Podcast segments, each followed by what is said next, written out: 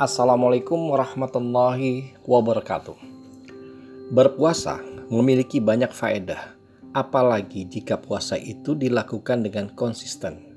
Rasulullah Shallallahu Alaihi Wasallam bersabda yang diriwayatkan oleh Ahmad dan Baihaqi. Puasa adalah benteng yang membentengi seseorang dari api neraka. Berpuasa bisa membuat diri berada di puncak spiritual dan akan cenderung bersikap dan berakhlak baik tidak ingin mengotori diri dengan perkataan-perkataan buruk. Akhlak ini muncul saat berada dalam kondisi berpuasa.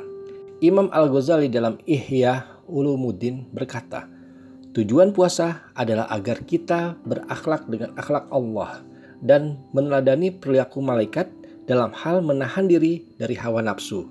Sesungguhnya malaikat bersih dari hawa nafsu. Berpuasa bisa meningkatkan ketakwaan seseorang dalam melaksanakan perintah Allah dan menjauhi apa yang dilarangnya. Dalam kondisi berpuasa, orang selalu mendekatkan dirinya kepada Allah, sehingga derajat mutakin dapat diperoleh lebih mudah. Puasa Daud adalah puasa sunnah yang paling disukai Allah, yang dinilai paling istimewa dibanding puasa lainnya. Rasulullah Shallallahu Alaihi Wasallam juga memuji Nabi Daud alaihissalam tentang ibadahnya dari Abdullah bin Amr bin al-Ash bahwa Rasulullah Shallallahu Alaihi Wasallam bersabda, Salat yang paling Allah cintai adalah salatnya Nabi Daud dan saum puasa yang paling Allah cintai adalah saumnya Nabi Daud. Nabi Daud alaihissalam tidur hingga pertengahan malam lalu sholat pada sepertiganya kemudian tidur kembali pada seperenam akhir malamnya. Dan Nabi Daud saum sari dan berbuka sehari. Hadis ini diriwayatkan oleh Bukhari. Manusia yang istiqomah dalam menjalankan puasa Daud pun mampu istiqomah dalam melaksanakan ajaran agamanya karena sudah terbukti lulus dalam latihan berpuasa. Meski berat, ia menjalani dengan keikhlasan. Ia akan istiqomah termasuk dalam menjalankan ibadahnya dengan konsisten. Mulai ibadah ringan hingga berat. Orang yang istiqomah ini tidak akan merasakan keresahan dan kegelisahan dalam hidupnya. Puasa Daud diumpamakan oleh Rasulullah Shallallahu Alaihi Wasallam ibarat puasa sepanjang tahun. Nabi Daud berpuasa agar semakin mendekatkan diri kepada Allah. Mungkin banyak umat Islam belum mengetahui asal-usul dari puasa yang Nabi Daud lakukan. Bukankah begitu?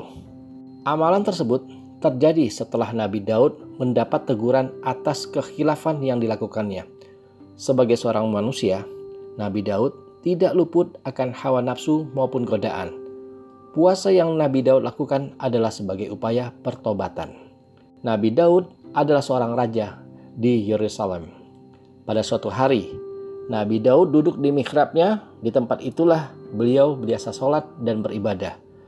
Pada suatu hari, Nabi Daud memberangkatkan panglima perangnya yang bernama Arya dalam sebuah peperangan.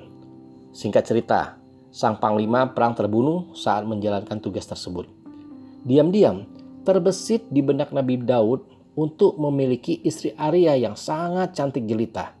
Padahal saat itu Nabi Daud telah memiliki 99 orang istri. Syariat di zaman Nabi Daud memang tidak ada larangan beristri banyak. Karena jumlah antara laki-laki dengan perempuan tidak sebanding pasca pembantaian bayi laki-laki oleh Raja Fir'aun di Mesir pada zaman Nabi Musa alaihissalam. Nabi Daud memiliki rumah dengan penjagaan ketat oleh para tentaranya, sehingga tidak mudah untuk menemui Nabi Daud. Namun bisa menemuinya apabila telah mendapat izin tentara dan mendapat konfirmasi dari Nabi Daud. Pada saat Nabi Daud beribadah, tidak seorang pun yang boleh masuk untuk bertemu maupun mengadukan suatu perkara padanya. Pada satu waktu, Allah menegur Nabi Daud dengan mengirimkan dua malaikat yang menyamar sebagai manusia untuk memberikan peringatan serta pengajaran kepada Nabi Daud. Namun dengan adanya aturan tersebut, maka kedua orang tersebut tidak bisa masuk dalam ruangan. Karena keduanya bukan orang biasa, mereka pun dapat masuk ruangan tanpa diketahui oleh para penjaga.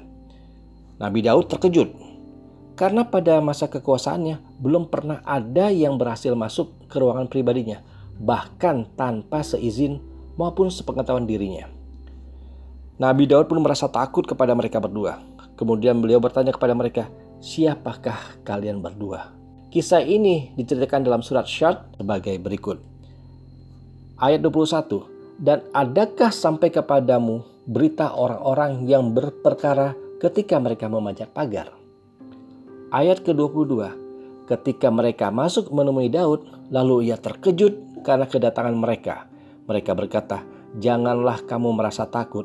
Kami adalah dua orang yang berperkara, yang salah seorang dari kami berbuat zalim kepada yang lain. Maka berilah keputusan antara kami dengan adil, dan janganlah engkau menyimpang dari kebenaran dan tunjukilah kami ke jalan yang lurus. Ayat ke-23 Sesungguhnya saudaraku ini mempunyai 99 ekor kambing betina dan aku mempunyai seekor saja. Maka dia berkata, serahkanlah kambingmu kepadaku dan dia mengalahkan aku dalam perdebatan. Ayat ke-24 Daud berkata, Sesungguhnya dia telah berbuat zalim kepadamu dengan meminta kambingmu itu untuk ditambahkan kepada kambingnya. Dan sesungguhnya kebanyakan dari orang-orang yang berserikat itu sebagai mereka berbuat zalim kepada sebagian yang lain. Kecuali orang-orang yang beriman dan mengerjakan amal yang saleh. Dan amat sedikitlah mereka ini. Dan Daud mengetahui bahwa kami mengujinya. Maka ia meminta ampun kepada Tuhannya lalu menyukur sujud dan bertobat. Al-Quran Surat Syad ayat 21 hingga 24. Pelajaran yang dimaksud adalah sebagai pemimpin hendaklah Nabi Daud tidak mengambil keputusan hukum di antara dua orang yang berselisih, kecuali setelah mendengar semua perkataan dari kedua belah pihak. Allah berfirman dalam surat Syad ayat 26 sebagai berikut.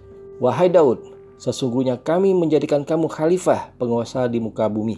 Maka berilah keputusan di antara manusia dengan adil dan janganlah kamu mengikuti hawa nafsu, karena ia akan menyesatkan kamu dari jalan Allah Sesungguhnya orang-orang yang sesat dari jalan Allah akan mendapat azab yang berat karena mereka merupakan hari perhitungan.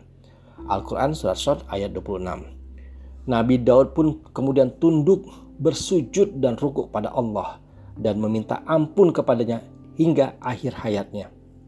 Dalam tafsir Al-Quran Hidayatul Iksan dijelaskan bahwa kesalahan yang telah dilakukan Nabi Daud tersebut tidak perlu disebutkan karena itu, kesalahan Nabi Daud tidak perlu dicari-cari.